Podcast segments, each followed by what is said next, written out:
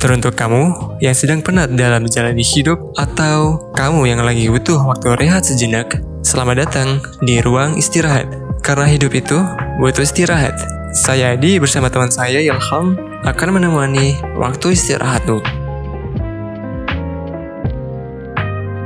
Oke, selamat malam, selamat berjumpa kembali bersama uh, gua di sini yaitu Muhammad Ilham dan partner gua. Halo, aku di sini aku Adi Ahmad. Nah, pertemuan kali ini kita punya kedatangan guest nih. Spesial guest.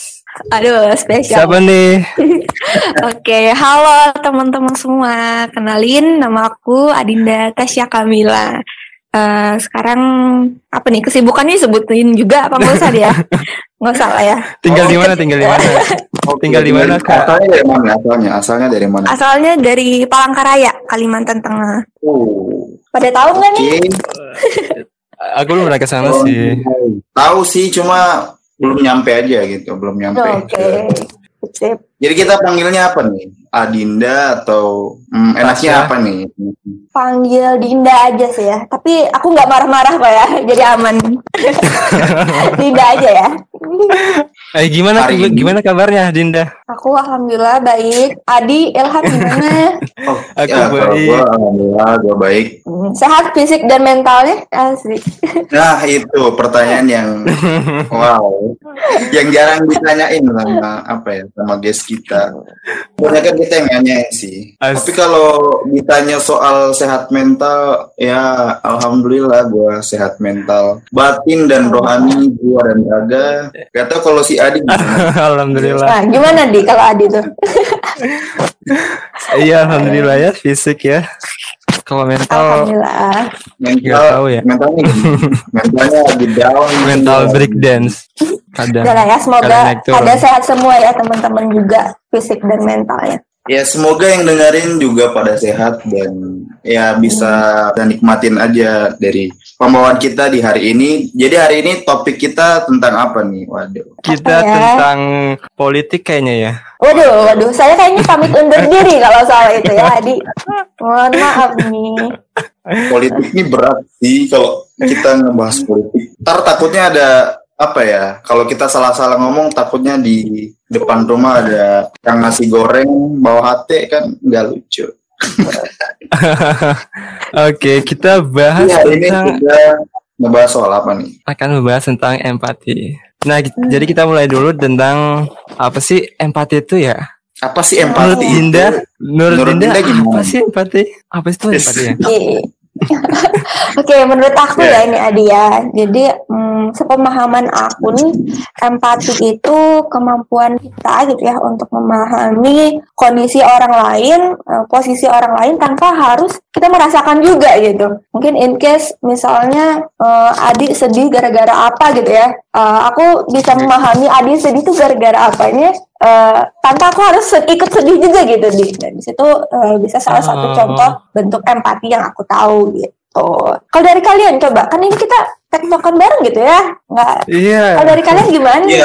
kalau kamu gimana ya kalau gua sih sama sih Uh, eh, gue juga uh, eh, gue juga sedikit ada dengerin dari satu persen sih ya kurang lebih sama sih kalau empati dari yang tadi yang dibilang sama si Dinda sih benar sih. Kita punya untuk perasaan untuk ngerasain apa yang dirasa dirasain sama orang lain tapi uh, kita nggak ada tindak lanjutnya gitu. Kayak itu apa itu nanti akan kita bahas soal perbedaannya juga dengan simpati. Jadi empati dengan empati eh empati dengan simpati itu perbedaannya apa sih jadi kalau misalnya empati itu kalau dari yang gue tahu empati itu kita apa ya memunculkan rasa rasa apa ya rasa prihatin atau rasain apa yang dirasain oleh orang lain tanpa ada tindak lanjutnya gitu. Kalau menurut gue sih gitu sih. Kalau sejarah secara garis besarnya ya. Kalau dari Adi gimana? Kalau dari aku kalau dari aku empati itu apa ya? Kayak kemampuan kita untuk memahami perasaan orang lain gitu. Kayak kita memposisikan diri uh, pada orang tersebut gitu. Kayak misalnya uh, Dinda lagi ngelamin apa gitu sesuatu, nah itu kayak aku turut uh, merasakannya, tapi kayak turut merasakannya dan uh, kayak kasih nasihat gitu setelah aku baca-baca sebelumnya ya entah salah apa benar ya nah tapi uh, aku bingung juga ya antara empati sama simpati itu sama apa beda ya? Apa sama ya? Tahu nggak Din? Gimana ya? Oke, Em, sebenarnya simpati sama empati itu deket banget sih ke pemahaman aku ya. Cuman kalau simpati itu eh, contohnya ketika kamu ngelihat orang gitu, ya, terus kamu kasihan, itu kamu tuh bersimpati gitu. Tapi empati itu lebih mendalam lagi gitu ya. Bisa sampai merasakan, jadi memposisikan gimana. eh, kalau jadi dia tuh gimana ya? Aduh, eh, pasti nggak nyaman ya kayak gitu. Lebih mendalamnya, lebih mendalam empati sih dibanding simpati. Kalau sepemahaman aku gitu. Oh berarti eh, empati itu lebih next level di atasnya simpati gitu ya? Tuh. Tapi Itu sih yang ya, aku tahu ya. Iya sih sebenarnya, tapi kalau menurut aku empati itu emang kita ber, kita memposisikan kita berada di di apa ya di sisinya orang yang misalnya ada mengalami kesulitan atau apa gitu kan. Tapi kita tidak ada tindak lanjut gitu. Kita hanya sekedar oh iya kita ikut nge- ngerasain tapi nggak ada misalnya kita membuat apa ya memberikan bantuan atau apa. Jadi kalau misalnya perbedaan dengan simpati menurut gua sih kalau simpati itu ada apa ya ada tindak lanjutnya. Mungkin misalnya kalau misalnya kita ngelihat nih orang misalnya kena musibah gempa kan kalau kalau kayak gitu terus kita ngelihat nih kita kasihan kan kita kita secara apa ya secara manusiawi kan kita kasihan. Nah itu kita ada tindak lanjutnya. Eh, misalnya kita kasihan terus kita mungkin ngebuat donasi atau kita buat bantuan apa kayak apa gitu. Jadi nanti kita ada tindak lanjutnya sih kayak gitu. Kalau misalnya simpat perbedaan simpati dengan empati sih menurut gua yang sepengetahuan gua sih gitu sih kayaknya sih gitu sih yang setahu gua ya nggak tahu kalau kebalik tapi semuanya nggak- kan Kalau nggak tahu sih ya, tapi kalau eh, aku sih memahaminya sebenarnya simpati itu lebih ke permukaannya sih. Kayak misalnya kita tadi ya merasa iba, merasa kasihan, terus kita juga hmm, apa ya? Kita bentuk respon gitu loh, merespon oh eh, apa sih? Ketika ada kejadian sesuatu kita merespon. Nah kalau empati ini pemahaman aku eh, ya tadi itu lebih mendalam. Kita gimana memposisikan diri, merasakan apa yang dia rasakan gitu. Dan si empati ini ya, kalau dari sudut pandang aku itu yang bisa lebih ngelit kita untuk eh, apa sih melakukan apa aktivitas untuk mendukung itu misalnya kayak kalau case tadi ya aku mengambil perspektifku ya sebagai anak psikologi. Iya iya iya. ya Iya. Jadi kan kami juga Ya, sebagai hmm, Ya, sebagai lebih kompeten. psikologi, enggak lah, kita sama-sama belajar nih ya dong. kan kita Enggak, sama-sama mahasiswa. ya sih berarti kita bisa apa ya bisa ngambil pelajaran Sharing-sharing, Kita- ah. kita nggak ngedalamin kita nggak nge- ngedalamin ini ya soal psikologi jadi eh, kita juga sambil belajar juga eh, sama Betul. orang yang mungkin Iya, concern di psikolog sih Iya aku juga sambil belajar sih sampai sekarang. Lanjut Din tadi tadi Dinda mau ngomong apa tadi? Hmm. Nah kalau empati misalnya eh, dalam konteks aku sebagai anak psikologi gitu ya, eh, kadang kan stigmanya anak psikologi tuh eh, jadi teman curhat, suka jadi pendengar gitu ya. Nah jadi pada ada kan momen-momen di mana sebenarnya hmm, kondisi teman kita yang cerita tuh berbeda dengan kita cerita dia berbeda gitu. Gimana sih kita bisa membersamai dia, bisa mendengarkan dia, bisa memahami dia di situ tuh harus terlibat empati tadi. Gimana kita bisa oh iya ya ternyata sedih ya jadi kamu. Pasti nggak nyaman ya ketika kamu merasakan itu. Terus eh, sometimes empati itu juga eh, bisa memunculkan kalau teman kita minta gitu ya kita juga bisa memunculkan solusi gitu. Jadi misalnya oh kamu kayaknya lebih baik kayak gini deh. Gitu. misalnya tadi case-nya soal apa sih hmm, bencana gitu ya yang sekarang kita rasain juga. Kebetulan aku juga ada ikut salah satu komunitas sosial gitu eh, bergerak di bidang sosial Eh, dan sebagai anak komunitas sosial tentunya kita juga eh, pasti punya rasa empati gitu ya di kondisi-kondisi sekarang begitu.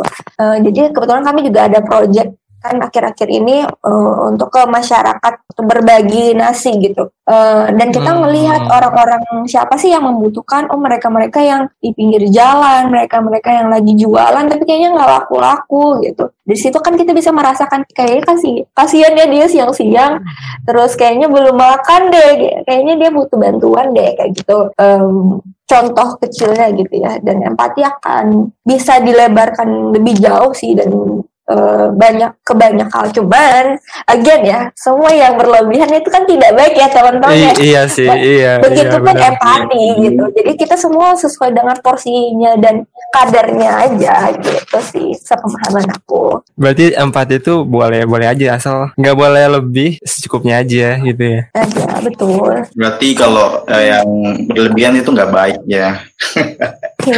Iya.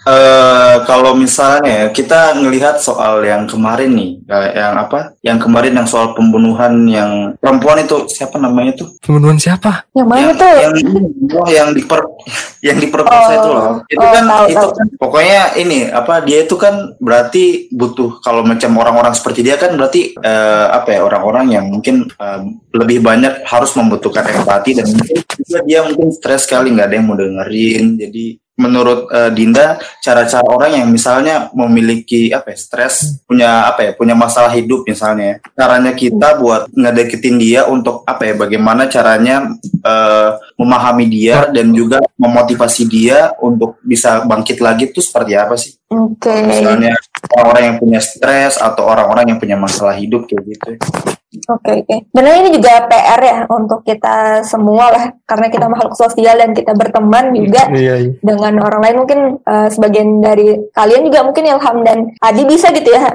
dicurhatin temennya gitu dan kita sebagai pendengar tuh juga punya PR PR gitu. Nah kadang hmm, aku nggak menggeneralisir semua gitu ya, cuman eh, beberapa orang itu memilih untuk hanya mendengar tapi tidak mendengarkan gitu. Jadi kalau kalau misalnya Ilham cerita gitu ya, wah aku sedih nih ya? karena beda dong. Mendengar misalnya kalau cerita, aduh aku sedih nih eh, gara-gara putus gitu ya. Terus eh, kayak Malah curhat. eh, oh kamu sedih ya, oh kasihan ya. Terus yang kayak gitu gitulah eh, respon gitu. Kan akan beda ya ketika oh eh, oh iya Ilham kenapa? Kita follow up lagi. Oh pasti nggak nyaman ya jadi kamu. Nah kita bisa menempatkan diri menjadi eh, mereka gitu ya kan yang merasakan. Kadang kita suka lupa di tahap awal itu kita langsung bisa memberikan label gitu kayak ya elah cuma kecil cuma putus cinta gitu.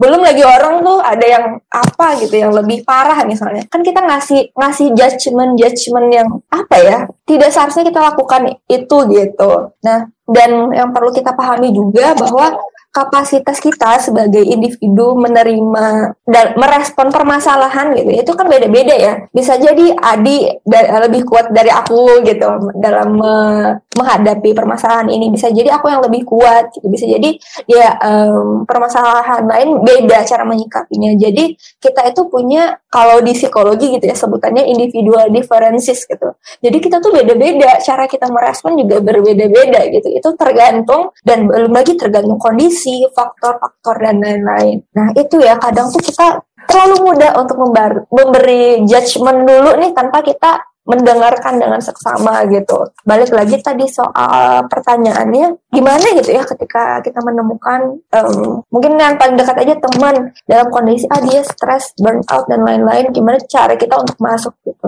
Nah, eh, dengan tadi modal pertama kita mendengarkan bukan cuma mendengar gitu ya. Kita bisa eh, ketika kita mendengarkan kita libatkan eh, usaha untuk memahami di situ makanya kita bisa berempati tadi meskipun kondisinya kayak menurut kita ah cetek itu mah gitu ya tapi cobalah kita untuk kayak oke men- menurut dia saat itu itu suatu permasalahan yang besar loh dan dia sa- di kondisi yang susah begitu kan kan nggak pernah tahu ya apa di balik itu yang bikin dia kesusahan menjalani gitu jadi libatlah libatkanlah empati gitu kita memahami kalau oke kondisi dia sekarang tidak nyaman gitu. Terus yang kedua, ya kita sebisa mungkin membersamai sih tadi. Ketika kita udah nggak ada judgement, eh, orang itu juga ada trust ke kita gitu ya. Dia percaya untuk memberikan cerita dia nggak mudah loh untuk cerita ke orang ya nggak sih? Kalian Iya, udah apalagi yang yang orang. cari orang di trust gitu loh, susah gitu. Iya benar dengan dia percaya ke kita aja tuh seharusnya kita udah apa ya bangga dan itu sebuah ya. kepercayaan gitu dan kita harus menghargai itu Nah, dengan itu kita hmm, ya tadi kurangi judgment kita membersamai dia kadang tuh ya orang-orang yang hmm, mungkin dulu salah terus dia mau berubah menjadi lebih baik. Kenapa dia nggak berubah-berubah jadi lebih baik? Karena kita terlalu mudah langsung memberi label ah kamu emang udah buruk gitu. Padahal kan orang buruk juga bisa berubah jadi baik sebenarnya. Nah dalam proses buruk menjadi baik itu nggak banyak orang yang mau membersamai itu. Di situ sih PR kita gitu ya sebagai seorang manusia yang bisa memanusiakan manusia lain sih menurutku gitu mungkin Wow. cukup dalam ya terlalu panjang ya, mohon maaf Iya, ya. Dalam pembahasan apa ya jawaban yang tadi yang gue tanya tuh eh, pembahasannya cukup dalam juga iya ternyata. Ternyata. Gitu sih coba kalau aku juga kayak nih kalau kalian gitu ya dicurhatin eh, kan kalian cowok-cowok nih beda nih kalau aku kan cewek gitu ya kalau kami kan hmm, mungkin Iya biasanya Katanya sih cewek-cewek tuh curhat sensitif nggak gitu. sih? Ah, ah. ya gitu lebih sensitif gitu ya lebih bisa untuk mendengarkan gitu kalau kalian nih dicurhatin orang kalian meresponnya gimana sih kalau boleh tahu? Biasanya Kalau siapa nih? Siapa nih? pakai kamu aja udah. Oh langsung udah muncul suaranya.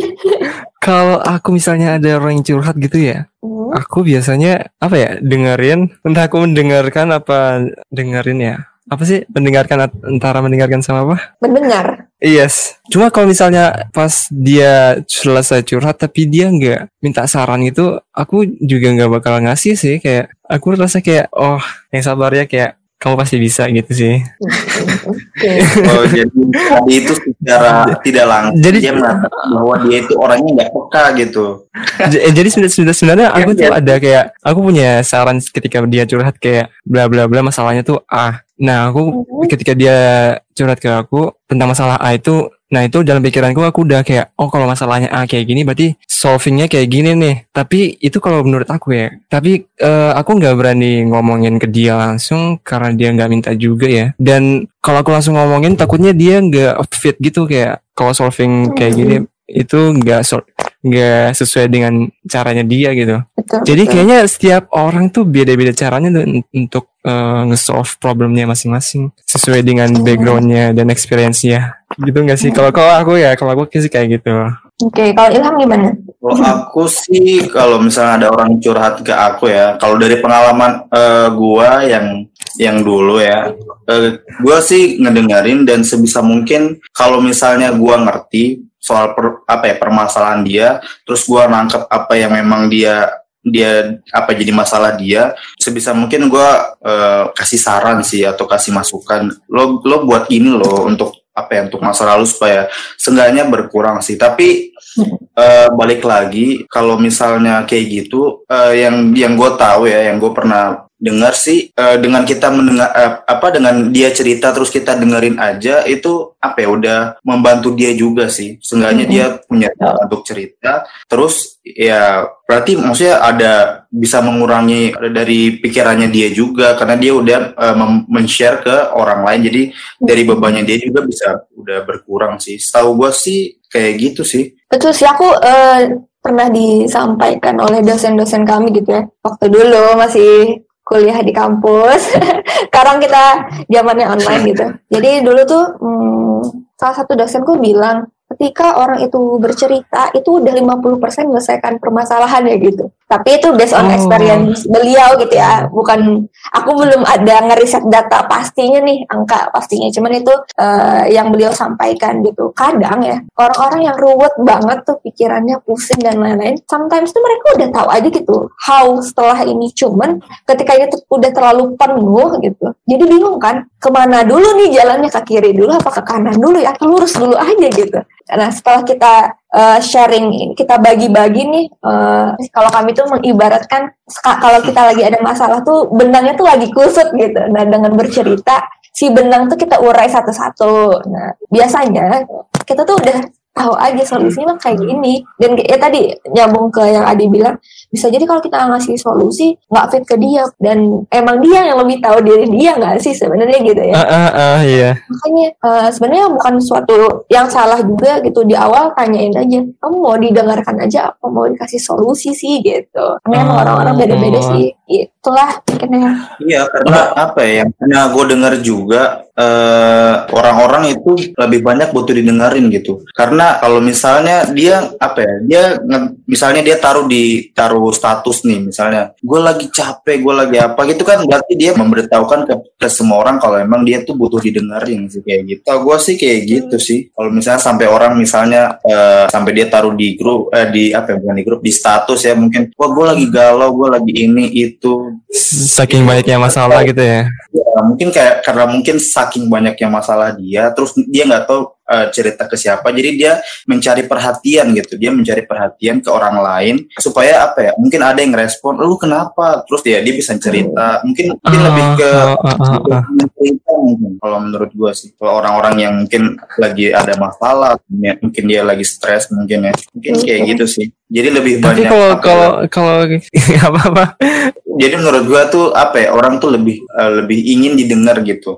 Terlepas dari mungkin misalnya kalau misalnya lu ngasih apa ya misalnya lu ngasih ngasih eh, apa ngasih solusi. Misalnya itu berarti bonus. Ya istilahnya itu bonus lah. Tapi yang yang apa ya, setahu gua tuh orang tuh pengen didengerin jadi setahu gua sih ya lebih banyak mendengerin sih kalau misalnya Oh iya orang-orang iya. ah, ah. kayak gitu Kalau iya kalau misalnya eh, kamu ada masalah itu di update ke status gitu bagus nggak sih? Apa gimana? Kalau menurut Dinda sini gimana? Kalau Dinda punya masalah, Dinda bakal ada status nggak? Butuh Hmm, attention. hmm. Nah itu balik lagi ya tadi ke sama tipe-tipe orang juga beda-beda. Terus dengan kondisi dia saat itu gimana?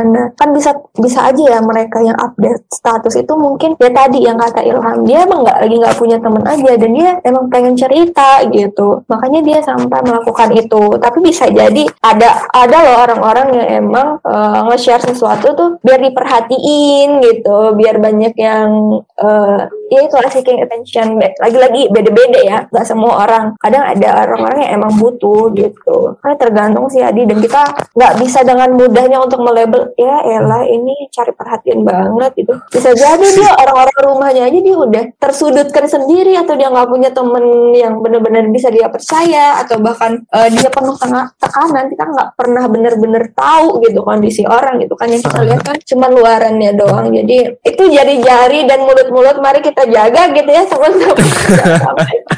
menyakiti hati orang lain karena kita nggak pernah benar-benar tahu kondisi orang sih. Iya benar-benar. Kalau dari kalian sendiri gimana? Kalau ada masalah gitu, kalian solvingnya gimana? Kalian berarti curhat gitu ke teman kalian? Gimana tuh Ilham Ilham dulu deh tadi aku kalau gua ada mas Iya iya Lam. Kalau gue ada masalah ya, misalnya kalau gue ada masalah, ya gue mencoba memahami diri gue sendiri dulu sih. Maksudnya masalahnya ini berat apa enggak? Kalau misalnya berat, ya mungkin gue butuh orang, mungkin apa butuh teman buat curhat ya. Eh, sekedar untuk kayak berbagi, bukan berbagi sih, mungkin kayak mengurangi. Kalau berbagi berarti gue berbagi masalah dia gitu kan.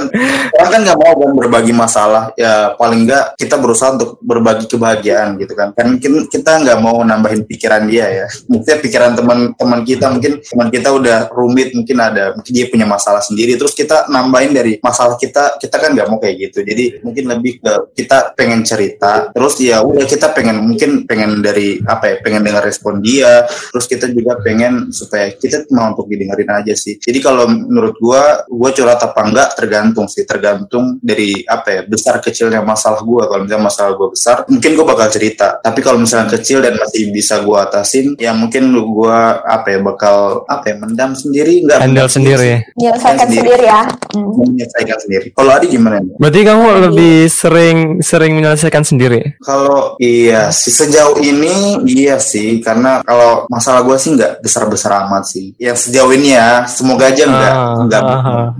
Ke depannya ya. Ntar ada pinjol teleponnya. aduh Adi gimana kalau Adi nih Kalau aku ya, aku tahu sih tuh Behanas gue, aku sebenarnya jarang sharing masalah sih, kayak jarang curhat aja aku. Aku lebih kayak kalau ada masalah ya, aku coba, aku selalu menyelesaikan sendiri. Cuma kadang agak berantakan kalau yang masalahnya cara. Dan eh, lebih seringnya ya lebih sering sendiri sih. Kayak aku tuh biasanya eh, nulis, aku kayak nulis ini masalah A, B, C. Kalau misalnya memang runtut, ini caranya gimana aja ya ya, caranya bro. menurut saya. Misalnya, soalnya kan pernah gitu misalnya ya. oke Hmm. Nah terus aku coba salah satu-satu nih tik-tik. Ternyata nggak bisa dalam selesaiin dalam satu malam. Ya udah seminggu aja lah. Ta- be- bertahap demi tahap gitu. Terus kalau misalnya udah over banget itu aku udah aku udah apa ya tinggal tidur aja gitu. dan terselesaikan aja gitu ya di dalam Enggak sih lebih. Cuma terkadang kalau kita memikirkan masalah itu semikir paling dalam banget ke bawah mimpi. Aduh itu Oh bisa Malah- jadi sih. malah menambah beban juga sih. Kita Nah, mengafirmasi itu udah dapat ah, ah, Iya. mimpi juga kena. Jadi ya gitu sih aku aku lebih lebih sering untuk nyelesain sendiri. Hmm, Oke Oke. Soalnya Kalau aku- kalau orang circle aku itu eh, aku rada kayak kurang trust aja sih Hmm. Trust sama Iya. orang teman-temanku. Mungkin ada beberapa orang yang mungkin nggak per- bukan nggak percaya sih percaya tapi nggak 100% jadi dia apa ya mungkin mendam sendiri gitu atau Iya iya, soalnya aku tuh soalnya orangnya orangnya kayak susah aja trust sama orang gitu. Atau mungkin ada orang yang takut misalnya ya, misalnya dia udah cerita nih, terus misalnya kalau misalnya ya, misalnya dia ada masalah, misalnya ada masalah internal sama tiba-tiba ya tiba-tiba ada masalah internal sama orang yang dia curhat, mungkin dia takut untuk misalnya yang orang yang dia curhat ini mungkin menceritakan masalah dia ke orang lain, jadi masalah dia bocor Nah, gitu ke iya bocor orang gitu lain. jadi jadi digosipin bahan gosip. Ya. Aduh. Kalau Dinda gimana? Kalau aku ya, hmm, sebenarnya kurang lebih sama. Terima kasih telah mendengarkan episode kali ini. Jangan lupa untuk follow akun Spotify kami, Ruang Istirahat, dan Instagram kami, ruangistirahat.id. Sekian untuk part episode kali ini. Stay tune untuk part episode selanjutnya. Bye!